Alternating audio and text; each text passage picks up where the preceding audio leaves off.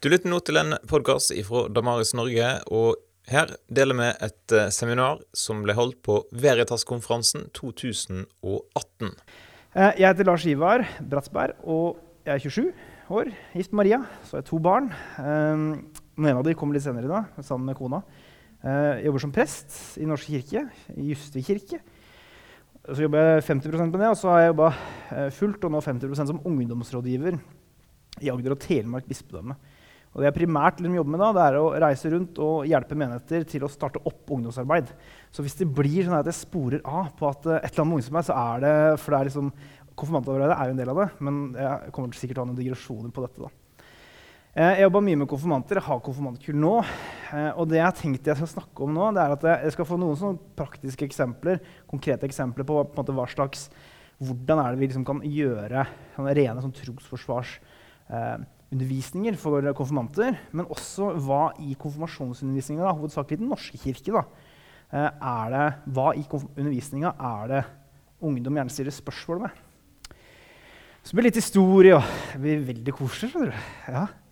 Eh, konfirmasjon det har vi ble innført i 1736. Da ble det påbudt. Altså innført ble det ikke, det ble påbudt ved lov. Du måtte konfirmere deg. Eh, og da er det sånn at vi, ofte Hvis du ikke var konfirmert, så fikk du ikke jobb. Eh, så konfirmasjonstallet var jo veldig veldig høye. Også i 1981 i Norske kirke så ble det endring i fokus. Hvor man på en måte gikk fra bekjennelse til bekreftelse.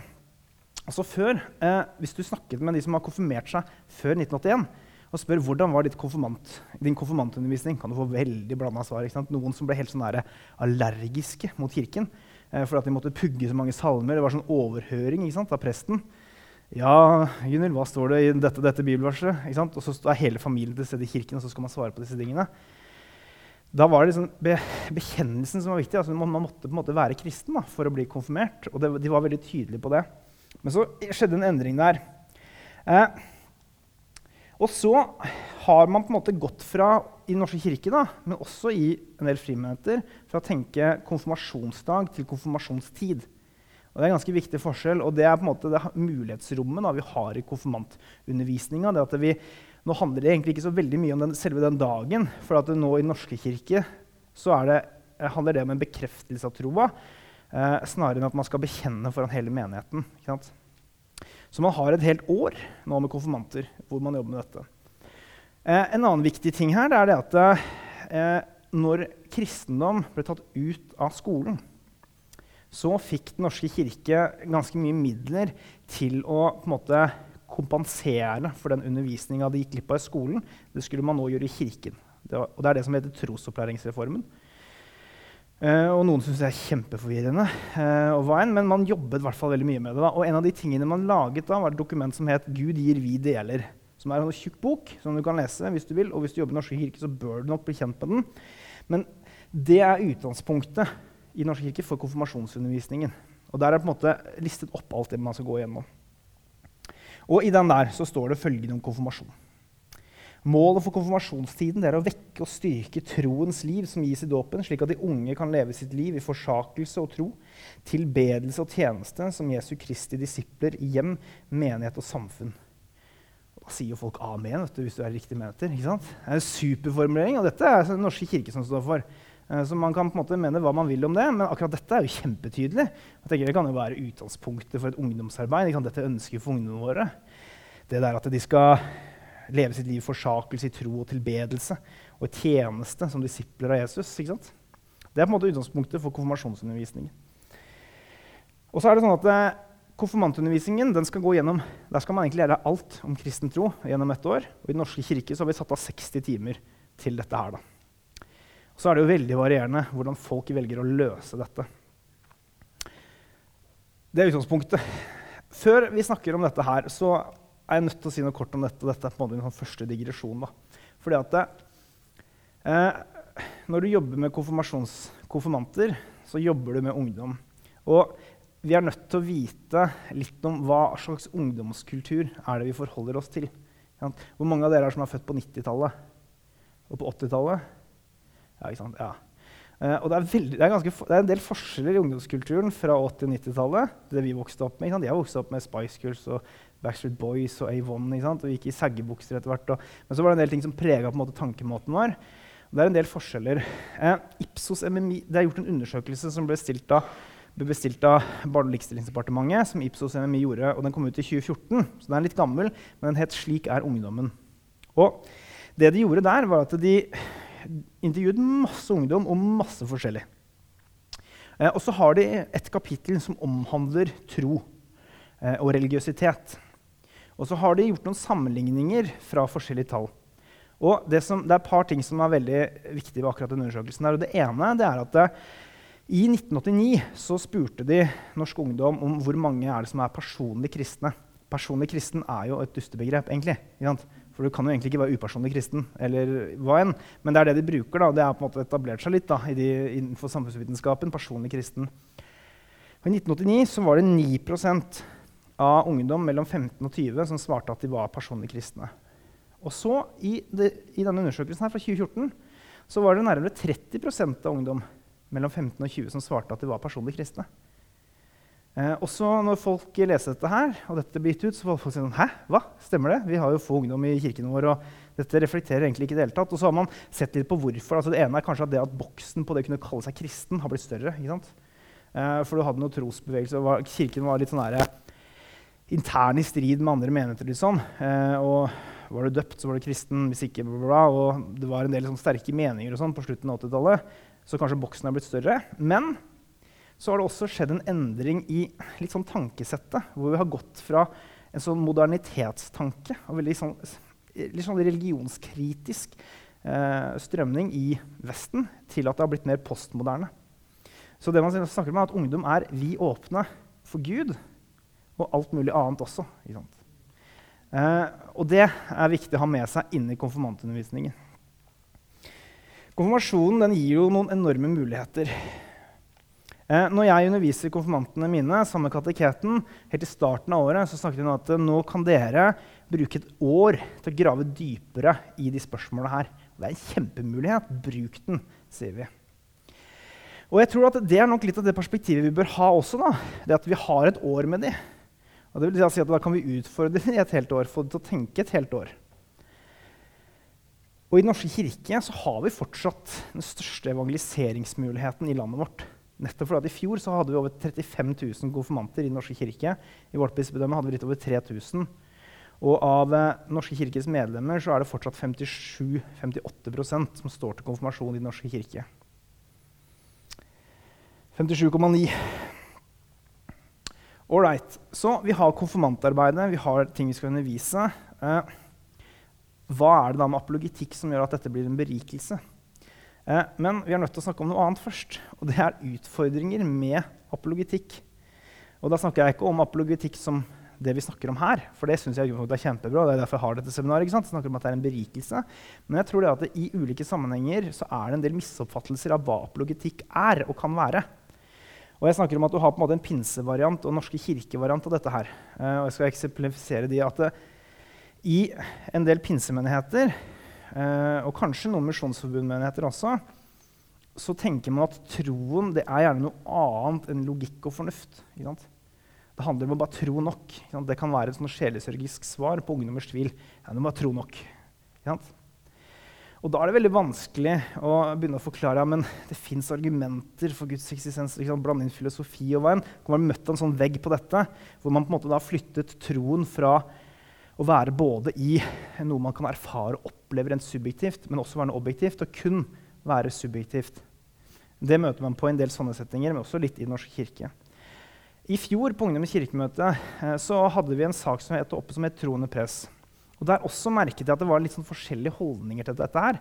Og Det handlet nok ikke om at det, eh, man var negativ til apologitikk, men ordet trosforsvar da, høres jo for noen veldig sånn aggressivt ut. da, ikke sant? Ja, skal vi gå til angrep? liksom? Er vi under angrep? Altså, hva, hva, er greia når man snakker om disse tingene her? Så når man skal ta dette inn i konfirmasjonsundervisningen, så er det viktig at du kjenner til den sammenhengen du er i, og at du kan eh, definere ganske tydelig hva er dette egentlig Og gjerne eksemplifisere da med at Jesus var en apologet i en rekke tilfeller. Han fikk en del spørsmål av ulik art og svarte på det på forskjellige måter. Eh, Stefan Gustavsson eh, han har gjerne noen seminarer her. Han har skrevet en bok som heter 'Trenger troen forsvares?' En programerklæring for kristen trosforsvar. Eh, og dette er det siste jeg skal trekke fram. før jeg begynner å gå inn i dybden på dette her. Men han trekker noen sånne eh, linjer på europeisk idéhistorie som også er litt viktig for oss å ta med oss. Og han sier at det, Hans spørsmål er hvorfor har kristendommen blitt slik som den har blitt i Sverige. er hans spørsmål.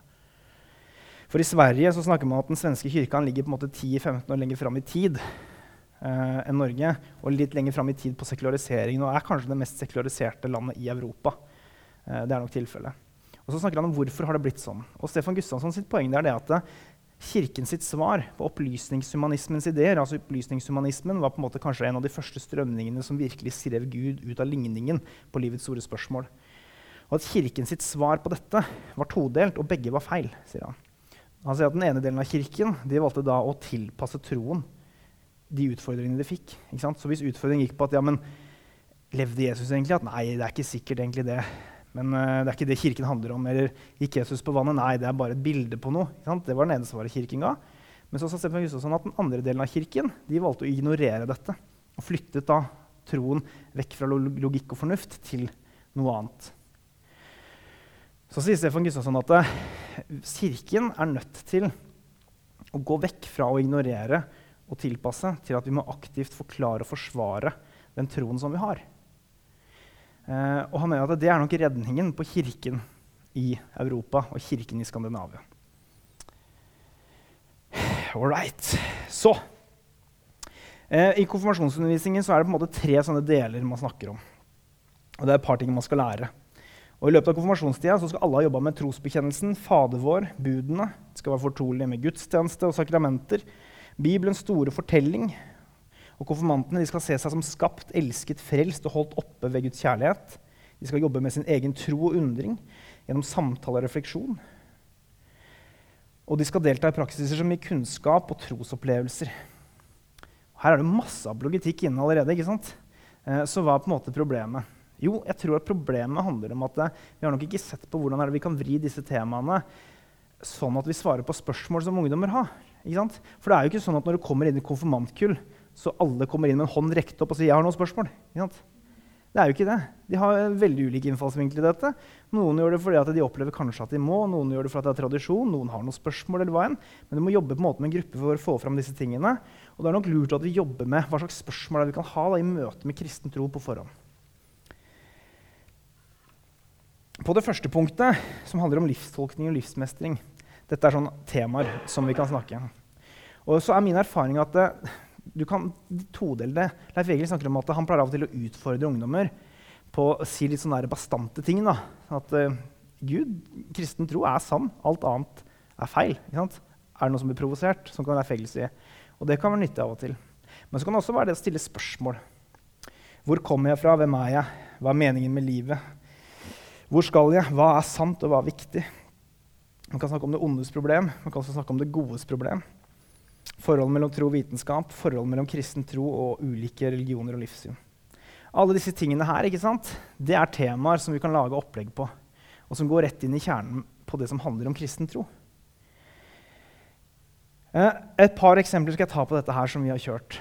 Eh, for konfirmantene mine så stilte jeg de spørsmålene når vi skulle begynne å snakke om disse tingene her, at jeg spurte finnes det ondskap i verden. Ikke sant? Ja, ja, det gjør det. Eh, visste du ikke det, Lars Ivar? Eh, så sier jeg ok, ja, men fins det godhet i verden, da?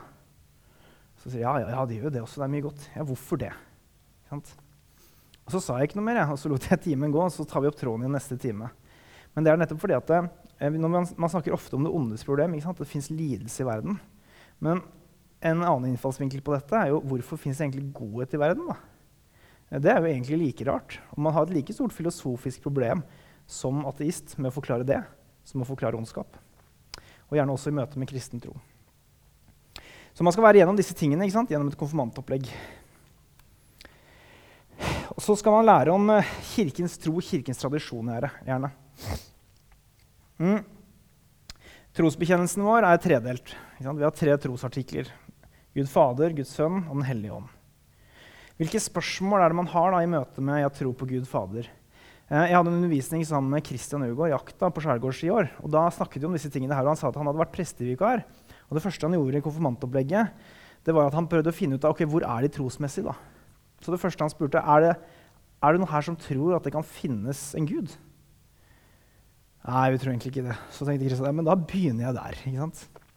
Fordi at det, Poenget mitt er nettopp det at eh, nå så har ungdom en annen ballast i møte med kirken enn det vi hadde når vi gikk ut av skolen eller kom i 9. klasse. Stefan Gustavsson snakker om et konsept som heter kognitiv dissonans. Og det det betyr, det er at man har to ideer i hodet samtidig som er motstridende og snakker om samme ting.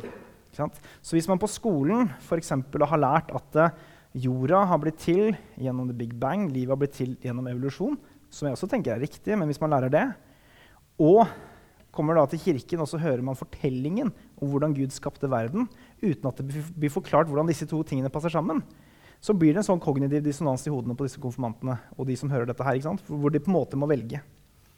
Men hvis vi da snakker om, i tillegg til å fortelle skapelsesberetningen, men forteller at dette er egentlig ment som en forsvarstale for at Gud, Jehova, er den sanne Gud, og aldri har vært ment som naturvitenskapelig forklaring, så passer disse to sammen. ikke sant? Og jeg tror nok Altfor ofte i møte med konfirmantundervisningen så har vi ikke vært obs nok på disse tingene. at Hva slags forkunnskap er det de har i møte med disse tingene her? Fra ulike deler av fag på skolen. Og hvordan er det vi som kirke kan møte de? Og det er noen sånne spørsmålsrunder man må ta. Og i forhold til Gud Fader, jeg tror på Gud Fader, så er det to ting. Det ene er Gud som skaper. Hvordan henger dette sammen? Kan Gud finnes? Hvordan kan jeg tro på første Mosebok, kapittel 1 og 2 og 3, samtidig som jeg tror på evolusjonsteorien? Og det er det ondes problem. Når man snakker om Jesus, så er det overraskende mange som ikke vet det at det, det er utbredt innenfor historieforskningen at Jesus var en, eh, en ekte historisk person. Fordi at du, jeg vet ikke om du har lenge siden du har lest historiebøker eller KRL-bøker.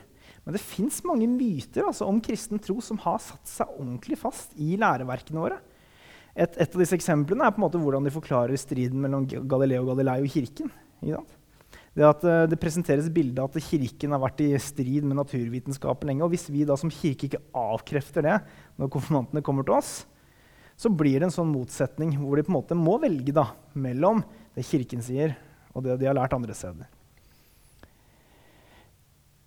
Et annet spørsmål som også er vesentlig i møte med Jesus, er at er det troverdig at Jesus sto opp fra de døde. Man har snakket om på denne konferansen at det finnes et utrolig sterkt historisk argument for at Jesus sto opp fra de døde. Og Det kjører jeg for konfirmantene mine hvert eneste år. hvor jeg sier det. At jeg mener at Den beste forklaringen på de historiske faktaene vi har om Jesu liv og virke, er at han døde på korset og sto opp igjen og lever i dag. Og Hvis ikke det utfordrer, eh, så vet jeg ikke hvordan man skal spise det. Og så er det en ting som vi fort kan glatte over som undervisere, og det er treenigheten. Kanskje fordi vi syns det er litt vanskelig selv. Eh, og det må jo være lov å si, da, i tilfelle. ikke sant? Men det får jeg også ofte spørsmål om i konfirmantundervisningen. At 3-1, altså Hvordan funker dette, Lars Ivar? Ålreit, nå er det praktiske eksempler. Eh, nå skal dere få noen undervisninger som jeg har hatt da, for konfirmantene. Eh, men er det noen spørsmål i, Nå blir det litt sånn her, uh, fakta, hva er strømninger, bla, bla. bla, bla. Dette skal streames, det blir bra. Eller, ja. Men er det noen spørsmål knyttet til dette? Nei, kjempefint. Det ene undervisningsopplegget jeg har hatt, det er tre gode grunner til at Gud eksisterer. Eksisterer Gud? Det er ganske essensielt når man skal være konfirmant. Hvis man går et helt år uten å ha fått svar på det, eller hvis man har gått et helt år og har lurt på det, ja, kan Gud egentlig finnes? Og Kirken ikke har svart, om, svart, på det, så har vi ikke forstått ungdomskulturen, vi har ikke forstått de strømningene som fins i Vesten, og vi har ikke satt oss ordentlig inn i et godt konfirmantopplegg. Det første jeg tar fram der, det er det kosmologiske argument. Her ser du domino. vet du. Pedagogiske, flotte bilder. Ja. Og da sier jeg at Det, det kosmologiske argumentet det bygger på to premisser. To ting som vi mener er sant. ikke sant? Og hvis, er, hvis begge to er sanne, så følger konklusjonen logisk av det. Det første er at alt som begynner å eksistere, har en årsak. La dere merke til den tigeren bak der når dere kom inn. Du snudde deg. Det er ikke noe tiger. det er bare tull. Eh, og det er nettopp fordi at eh, det er ikke sånn at tigre begynner å eksistere av seg selv. Eh, altså for at, eh, hvis, hvis, ting bare popper inn i eksistens, så hadde vi reagert og tenkt her har skjedd noe rart. For det er faktisk sånn at alt det som har begynt å eksistere, som vi kan observere, det finner vi en årsak til. Andre premisset er at universet begynte å eksistere. Eh, og her pleier jeg å snakke om at ja, Kirken har faktisk vært i strid med naturvitenskapen i ganske lang tid på én ting. Og det handler om synet på universet. For det var en kristen filosof eh, som eh, formulerte setningen 'skapelse ut av intet'. Hvor han mente at eh, når Gud skapte verden, så gjorde Gud det ut av absolutt ingenting. Mens innenfor naturvitenskapen så har det egentlig helt fram til Einsteins relativitetsteorier og forskningen som ble gjort på det etterpå, har man tenkt det at universet var statisk. Har alt eksistert. ikke sant? Men nå viser det seg jo at universet har en begynnelse. Så her er på en måte, og da, Det er liksom billig poeng. Da? Kirken har hatt rett hele tiden. Men det ble faktisk sagt i forbindelse en som kommenterte på dette med Big Bang-teorien, at han sa det at når forskerne klatret opp fjellet for å se ned i dalen hvor svaret på universets begynnelse lå, så så de at det har vært en gjeng teologer der i 2000 år. Det er litt morsomt da. Ja. Når jeg sa dette til konfirmanter, de skjønte ikke hva jeg mente. Teologer, hva er det for noe egentlig? Er det sånn prestgreie? Ja. Men premiss igjen, alt som begynner å eksistere, har en årsak. Universet har en årsak. Da er konklusjonen Nei, ja, da universet begynte å eksistere, da er konklusjonen at universet har en årsak. Nå skal dere få se et photoshop av bildet. Er ikke det fint? Ja, For da, da skjønte jeg at med tiger ja, Da henger du med igjen. Så snakker jeg om det første premisset. Og det har jeg merket at det må jeg forklare litt. At eh, Hvis man har jobbet med disse tingene en stund, eh, så henger de med. Men de underviser ikke logikk på skolen lenger. Ja, det er sant. Ikke sant? Altså, og logiske tankerekker. Og, og, det ser man litt fordi, dels fordi at en del av den religionskritikken som har kommet med nyateismen, egentlig er litt ulogisk. Men det spises, for det virker som at det gir mening. Men de underviser ikke logikk, så jeg må bruke litt, en stund av og til da, på å forklare hva vil, si, hva vil et si. Hva vil det si å argumentere logisk? Men de henger ofte med på det etter hvert. Så forklarer jeg den første, første premisset. Og det andre premisset, da blir det jo litt sånn her undervisning i fysikk og kosmologi. Dette er et bilde som virker som at det er veldig smart. Um, men det er en forklaring på Big Bang. Jeg skal på en måte illustrere Big Bang-teorien, universets tilblivelse. Poenget med Big Bang-teorien er jo det at man observerer at universet utvider seg. ikke sant? Og så tenker man seg at da må det utvide seg fra noe. Ja. Så på samme måte som at en fotball ikke kan sparke seg selv, så kan ikke universet ha blitt til av seg selv. Det krever en årsak. Og dette henger folk ofte veldig med på. Og for mange er dette veldig nytt. Og dette er en måte å snakke om 'jeg tror på Gud Fader' på. Når vi, snakker, når, vi tar utgangspunkt i trosbekjennelsen. Og så er jo neste spørsmål i denne konfirmanttimen da. Universet har en årsak, men hva er den? Hva er denne årsaken, da? Når man ser på forutsetningene for Big Bang, så kan man si at årsaken må være immateriell. Den må være eksistere utenfor tid og rom. rom og tid. Den må være evig og utrolig vektig. Og Her har man jo fått en del alternative kosmologiske forklaringer. Multiversteorien og hva enn. Men de, de, de, sånn som jeg har forstått dette, så er det, ikke, eh, så er det vanskelig for, for, en del å ta dette seriøst. For man har et problem med å forklare hvordan universet oppsto.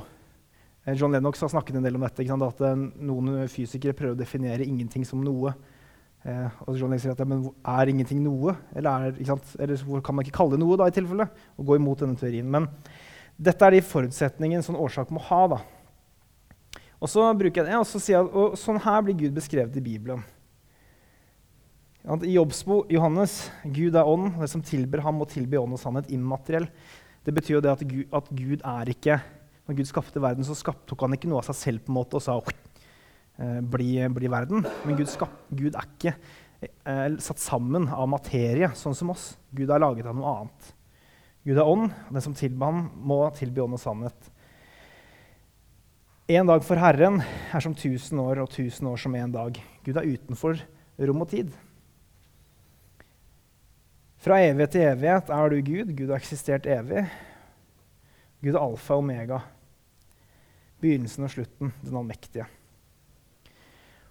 Og, dette er en måte å snakke om Gud Fader på og så er jo, Hva gjør man etterpå? da? Jo, kan man snakke, ok, Hva tenker dere? Man kan snakke i grupper om dette. Og så setter det i gang noen refleksjoner. Eh. Og så er jo Vårt ønske da med konfirmasjonsundervisningen det er jo det at de konfirmantene som kommer til oss, de skal få et møte med Jesus i løpet av den tida. Og når de da vi har denne konfirmasjonsdagen, så skal de bekrefte den troa eh, i seg sjøl og kunne si at 'jeg er kristen'. ikke sant? Men det må vi gi litt tid. I konfirmasjonsundervisning også, så skal du kunne lære kristen tro i praksis. Og det er også utrolig viktig, for når vi er på denne konferansen her, så er det mye hode. ikke sant? Vi snakker mye om hodet. Men jeg sier at Gud kan erfares konkret for den enkelte, sånn subjektivt. ikke sant? Og det har jeg sjøl gjort også. Det er å kunne erfare Guds nærvær. veien. Men det er ikke noe jeg kan ta og gi til dere. ikke sant? Kjenn på dette. Det kan jeg ikke. Men måten, når man bruker disse argumentene sånn her, så åpner man folk for tro, da, tenker jeg. For jeg har et spørsmål her når man snakker om apologetikk i konfirmantundervisninga. Hvordan er det vi legger til rette for at ungdommer skal kunne erfare Gud? da? Og I møte med disse tingene så har man også noen sånne apologetiske spørsmål som går i skjæringspunktet mellom sjelesorg og apologetikk. Hvorfor hører ikke Gud meg når jeg ber? Har vi gravd oss inn i det når vi underviser? Hva er greia med bønn? Åssen svarer Gud? Hvorfor kan ikke alle oppleve Guds nærvær like sterkt som andre? Vi leser i apostlenes gjerninger om store under og bla, bla, bla. Uh, dette har jeg oppe på, jeg rekker ikke å gå gjennom dette nå. dessverre. Og så bør man også snakke om hvordan og hvorfor man skal lese Bibelen.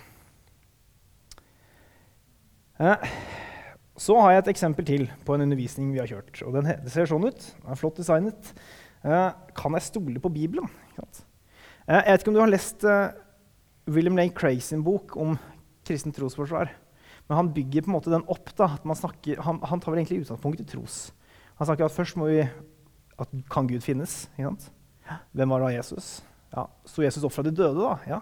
Og så har han på en måte lagt opp en sånn trosreise. da, Rent sånn intellektuelt. da. Men hvor Lane Craig også veldig ofte i sine debatter sier det at uh, dette er bra, og så kan Gud erfares. Og det har jeg også gjort. Og det oppfordrer alle dere som er der, ja, jeg tror jeg tror på dette, ta imot det. ikke sant?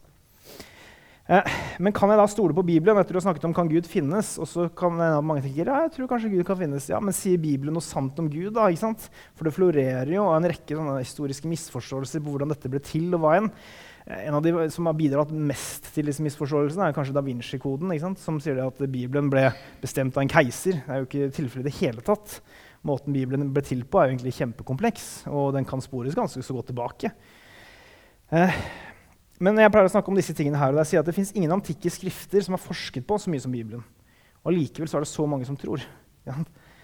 Eh, og da Poenget mitt er at, at det har vært mye kritikk, og vi kristne også. Vi, er, vi forsker på dette. Vi, vi er ikke redde for spørsmål. Ja, hvis det er noe vi lurer på, så snakker vi om det, så forsker vi på det, så grunner vi på det. Så fins det ingen antikke skrifter fra samme tidsperiode som har så mange grunntekster som ligger like tett opp til opprinnelsen, sånn som Bibelen gjør. Jeg vet ikke om noen har studert gresk, men hvis du tar for dere Nesle Anna sin utgave, da, Noen testamentum, og ser på, en måte på hvordan er den satt sammen, så har du en del sånne majuskeltekster, som de kaller det så har du utrolig mange små fragmenter eh, som er hentet hvor de på en måte hele tiden forsøker å finne den eldste teksten. Bl.a. Papyrus 52, som, ble funnet, som er en del av Johannes-evangeliet, som ble funnet i Egypt, som kan dateres tilbake til år 100 etter Kristus der omkring. Hvis du er eh, sånn midt imellom eh, konservativ og liberal i antakelsen av tid. Og hvor da Johannes-evangeliet da gjerne ble forfattet i Tyrkia. Så har det kommet seg helt til Egypt i århundret. Og det at det finnes åtte uavhengige kilder på Jesu døde oppstandelse På andre kjente personer i antikken så er det at hvis du har én eller to uavhengige kilder, så er det bra, men i Jesus' i tilfelle så har vi åtte. Så det er et ganske historisk sterkt eh, sterke skrifter vi har. Og Bibelens historiske troverdighet er ganske stor. Så pleier jeg å vise denne, altså når dette ble skrevet omkring. For både evangeliene og brevene ble skrevet mellom år 48 til Kristus og 100 til Kristus. Og så er det ganske unikt historiesammenheng også, dette med Bibelen. Ikke sant? I første Korintere så leser jeg at Paulus han oppfordrer menigheten sin da, til å gå og undersøke. Mange av de som har møtt Jesus, de lever fortsatt i dag. ikke sant? Test dette. Det er på en måte ikke spor av noe sammensvergelse eller hva enn. ikke sant? Og de som sier at ja, men kanskje de skrev det for sin egen inntjening, de vet gjerne ikke hva bibelhistorien handler om. Men så er det også det at folk gikk i døden fordi de trodde på i starten. Eh, det var ganske uvanlig, det. Det ble jo ikke fred før rundt år 300 etter Kristus. Da begynte det å bli stuereint å være kristen i Romerriket. Et apologetisk emne som man gjerne tar opp i forbindelse med Bibelen, som jeg tror vi hopper over i konfirmantundervisningen ofte, da, er at det er mye motsetninger i Bibelen. Og det er det jo. Eh, det er helt sant. Hvor lenge var Saul konge, f.eks.? Du får tre ulike svar i, første sam i Samuels bøk og apostlenes gjerninger. Var han i to år, eller 40 år eller 20 år. Men så er spørsmålet er det avgjørende da, for Guds eksistens hvor lenge Saul var konge, eller kan det hende at de har tatt feil, de som skrev? Sannsynligvis så har de tatt feil. ikke sant? Eller at det var en avskrivningsfeil, at de glemte tall. eller hva enn. Kvinnene ved graven det er jo et eksempel på dette. Du har fire forskjellige forklaringer på hva som skjedde når graven var tom. Noen forteller at det var to kvinner, det var morgen, og så var det kveld, eller mørkt den andre, andre gangen, og så var det tre den andre, og så noen i et evangelium står det at det bare var kvinner. Hvem har rett her? på en måte? Og Dette har også blitt snakket om på disse seminarene. ikke sant? Det der at Dette viser jo egentlig bare at vi har uavhengige øyenvitner på samme ting. At de er ikke skrevet av hverandre. Så dette er egentlig en styrke for Bibelens troverdighet. For klart, hadde det vært feilfritt, det hadde ikke vært noen motsetninger i det hele tatt, så hadde man nok begynt å stille litt spørsmål. ikke sant? For hvis politiet gjør noen vitner, vitneavhør etter en eller annen forbrytelse, og alle har samme forklaring, da begynner de å tenke at her er det Kanskje de har snakket sammen. ikke sant? Men det at det er forskjeller, styrker troverdigheten til Bibelen. All right. Så apologetikk, trosforsvar, det tror jeg er essensielt i ungdomskulturen vår nå. Nettopp fordi at vi har, lever i en postmoderne virkelighet hvor en av overskriftene er at sannhet, det er relativt. Og så har vi en mester som vi følger som sier at 'jeg er veien, sannheten og livet'. Og Da er vi som kirke nødt til å være tydelige på det. Og så er vi også nødt til, til å kunne forklare inn i kulturen det at, det no, at det, vi kan ikke ha to motstridende sannheter på samme tid. Og når vi jobber med trosforsvar inn i konfirmantundervisningen, så tar vi brodden av en del sånne ting. Nettopp fordi vi sier noe som er ganske radikalt i vår kultur. At dette er sant, uavhengig av hva du måtte mene. Det er ganske provoserende, egentlig. ikke sant? Og så har vi gått fra å ha en konfirmasjonsdag til å ha en konfirmasjonstid. Og da er det viktig at vi ikke pusher ungdommer inn i å kunne ta et valg hele, hele tiden. Men at vi tenker at vi må ha sånn høste- og så-perspektiv på dette. ikke sant? Det at Vi sår ting inn, men vi må være tydelige. Eh, og så bruker vi gjerne disse konfirmantlærerne eller hvis vi har noen kveldsgudstjenester eller samlinger, eller hva enn, hvor vi nå utfordrer. ikke sant? Da kan vi ta opp tråden. Nå har dere grunnet noen måneder. Så er det sånn at Hvis du tror, så kan du komme fram hit så vi for deg. Og så kan vi be en frelsesbønn, eller hva enn, eller at du kan bekrefte det. eller At vi bruker litt sånne ting også. Men at vi ikke gjør dette til bare en hodegreie, men at vi utfordrer ungdom til å ta valg. Da lurte jeg på følgende Er det noen som har noen spørsmål? Så kan dere få tenke litt, så vi, litt sånn der, vi kan ha litt sånn pinlig stillhet. Eh, jeg syns eh, det, det er helt supert når ungdommer er interessert i disse spørsmålene. For da kan vi få til sånne her samtaler, og vi kan snakke om ikke sant? Mm. Ja, sånne ting som du har tatt opp nå. Men jeg sliter noen ganger med det at de rett og slett ikke er interessert. Mm. De er rett og slett bare sånn, de, de, bryr seg ikke så mye om disse spørsmålene. Det er ikke sånn å si for dem om Gud eksisterer eller ikke. De bare er der fordi de må, på en måte. Eller om du har noen sånne konkrete tips i forhold til Eller ja. hvordan du gjør det? Jeg, jeg gjør en ting som jeg egentlig ikke liker, men uh, som jeg, man er nødt til å gjøre av og til. Jeg kaller det for BuzzFeed-teologi. Uh, BuzzFeed er en sånn nyhetsside hvor du leser sånn her 10 reasons you should start working out right now. Eller 10 korte tips til å få et bedre liv. Eller, slik tjener du masse penger. Og det er sånne clickbait-linker som er sånn her, eh, treffer så sykt i kulturen. for at det, Litt av greia her da, på dette med interessen tror jeg handler om at det, eh, ungdom er vant til å få konkrete svar veldig fort, selv om det er vanskelige spørsmål. Fins Gud? Ja eller nei? Ja, ja, ok. Jeg tror ikke på det. Ja, okay. altså, er, man, vi lever i en kultur hvor informasjonsflyten er sånn at du skal få det med en gang.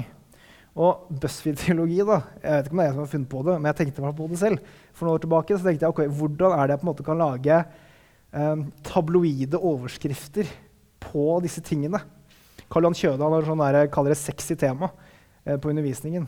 Og det handler jo da om at du kan da snakke om da, En sånn forsøk på dette da, er jo da tre gode grunner til å tro. Det er ikke så tabloid, men det er litt i samme gata. ikke sant? Men grunnen til at jeg ikke liker det så godt, da, det handler om at du rekker egentlig ikke å gå, så dypt i disse tingene. Men hvis man gjør det som en sånn nære teaser hvor poenget er at nå skal vi få de inn i dette, så kan det funke. ikke sant? Eh, så, ikke sant? Du, kan, du, kan, vri på det. Du kan si, et sånn måte du kan si det på, det er Var Maria jomfru? spørsmålstegn.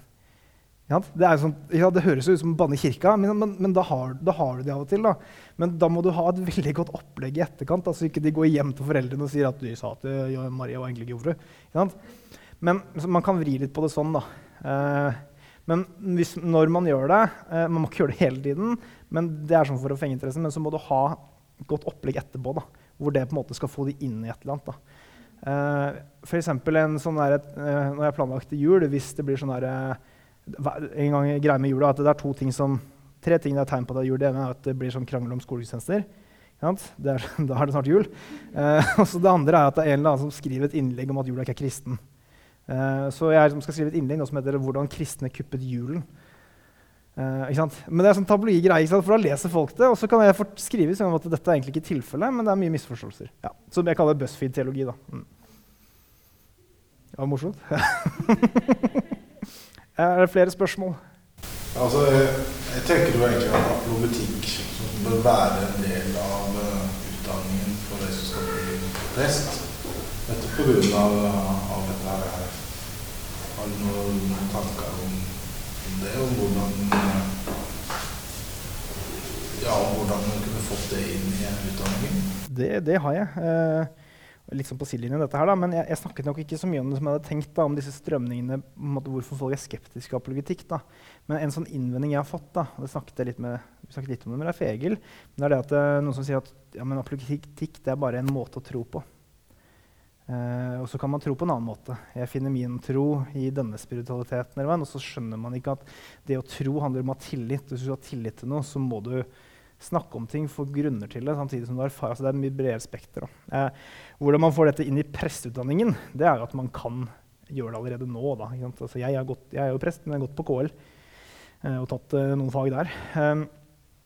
Men nå ble jeg litt sånn her Det er jo noen teologiske strømninger også i Kristen-Norge uh, hvor jeg har tenkt på at det, i, det, dette er, altså, i ytterste fløy på liberalteologien så er det ikke et behov for apologetikk.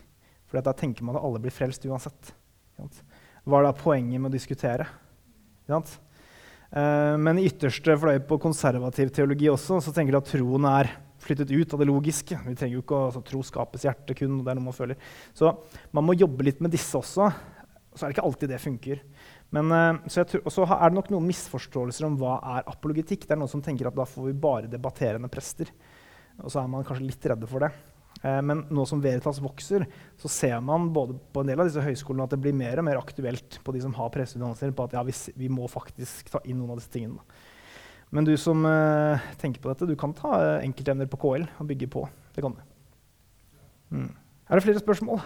Er konfirmasjonens svar på døpt? Ja, er, I Den norske kirke så er det jo det. det. I utgangspunktet er jo det tanken bak det, at man skal bekrefte det som man ga i dåpen. Så når jeg har dåpssamtaler, så sier jeg jo det til foreldrene at nå er det dere som velger for barna. For det vil vi det beste. ikke sant?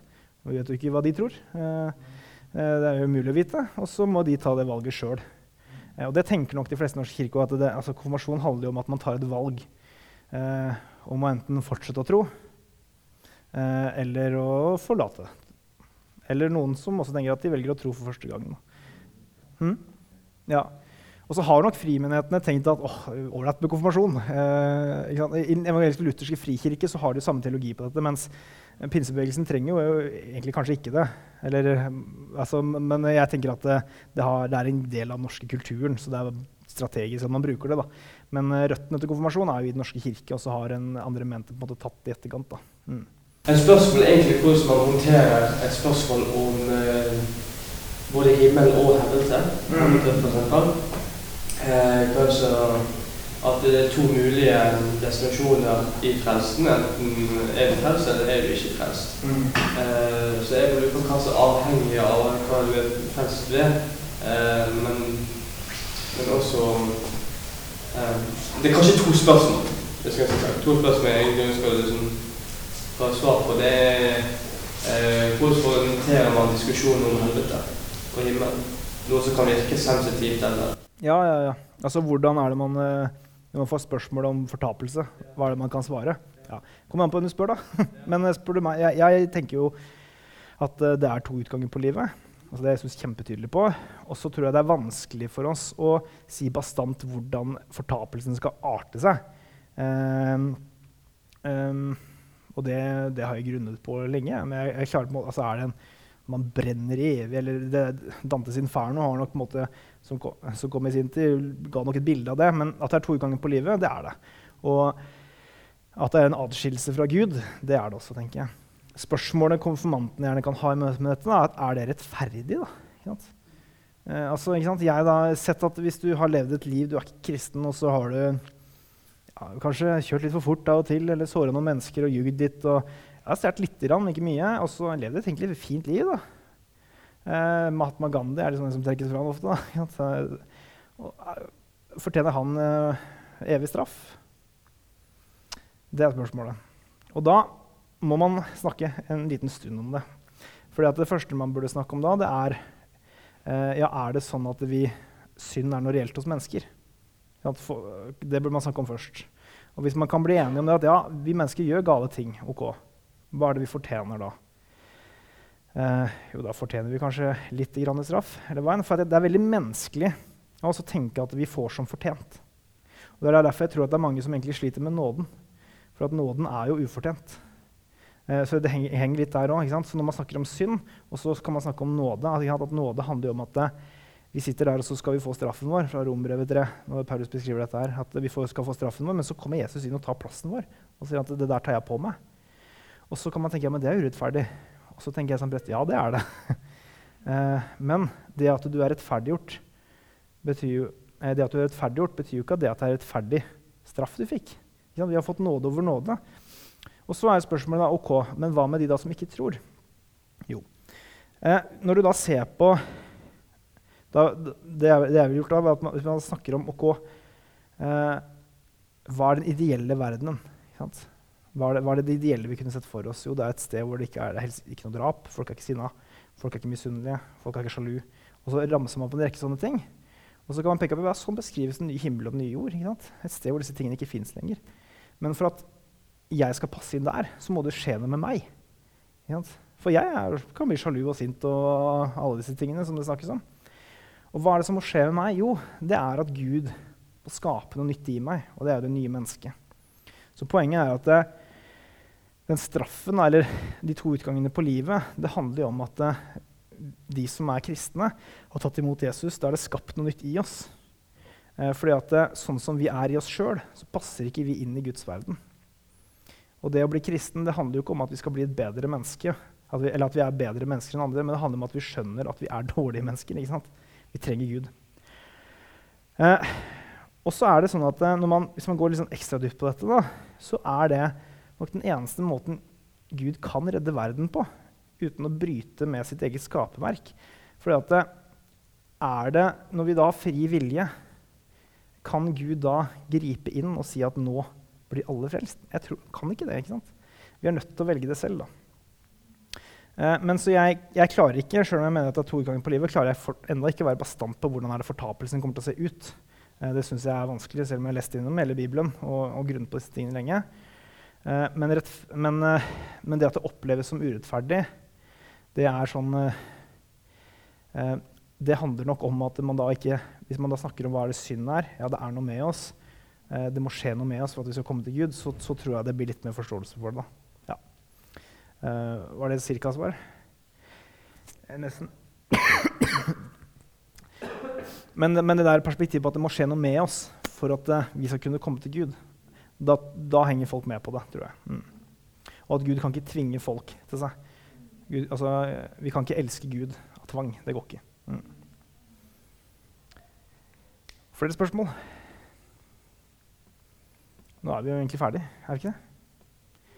Takk, takk. Thank you.